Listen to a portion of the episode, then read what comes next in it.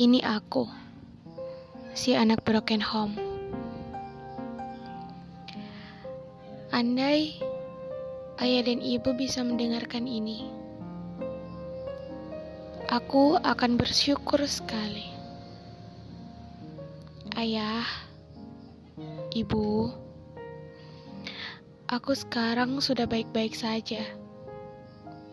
Jangan terlalu khawatir.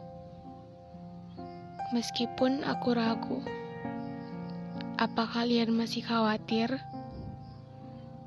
atau sudah tidak? Yang jelas, aku hanya ingin berhayal saja. Berhayal bagaimana jika ibu dan ayah mengkhawatirkan aku.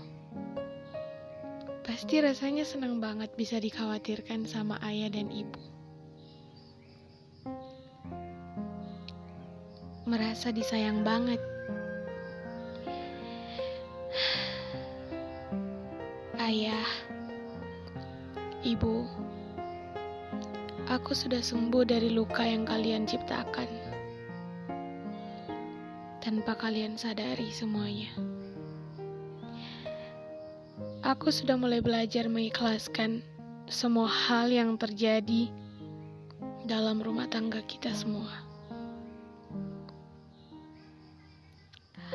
Aku mencoba berdiri kembali, menguatkan kedua kakiku, mengeraskan hatiku, karena aku tahu bahwa sekarang aku seperti tidak punya siapa-siapa. Yang aku rasa sekarang aku sendirian. Tapi jangan khawatir sekali lagi. Aku sudah terlalu kuat untuk ini. Aku tahu. Bukan cuma aku yang kesakitan di sini. Perpisahan kalian pasti menjadi kesedihan untuk kita semua.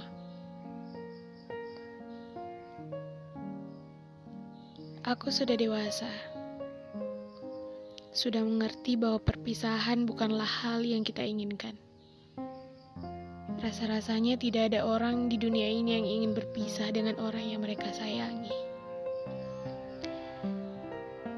Tapi sayangnya, takdir Tuhan adalah sesuatu yang harus kita jalani. Ya.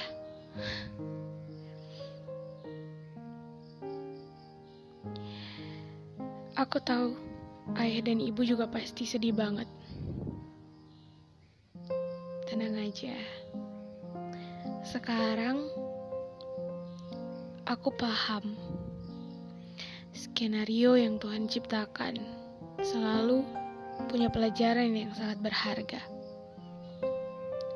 Salah satunya membuat kita tahu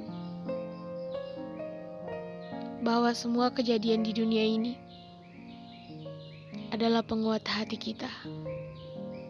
Kita jatuh untuk kembali berdiri lebih kuat lagi dari sekarang. Terima kasih, Ayah, Ibu.